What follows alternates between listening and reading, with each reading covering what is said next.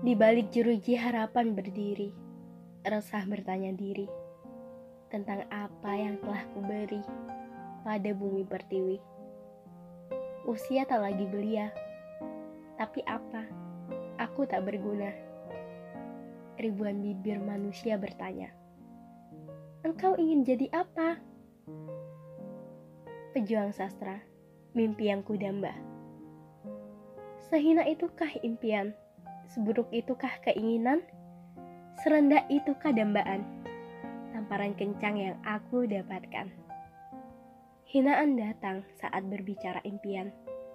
Anggapan rendah yang selalu telinga dengar. Tentang mimpi yang datar. Mereka tak paham mimpi. Jeripayah berjuang literasi. Perasaan otak yang dianggap biasa. Karya sampah yang penuh kata. Sadarku ini kerikil perjalanan yang ingin menggelincirkan.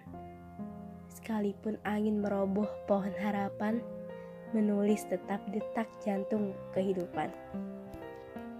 thank you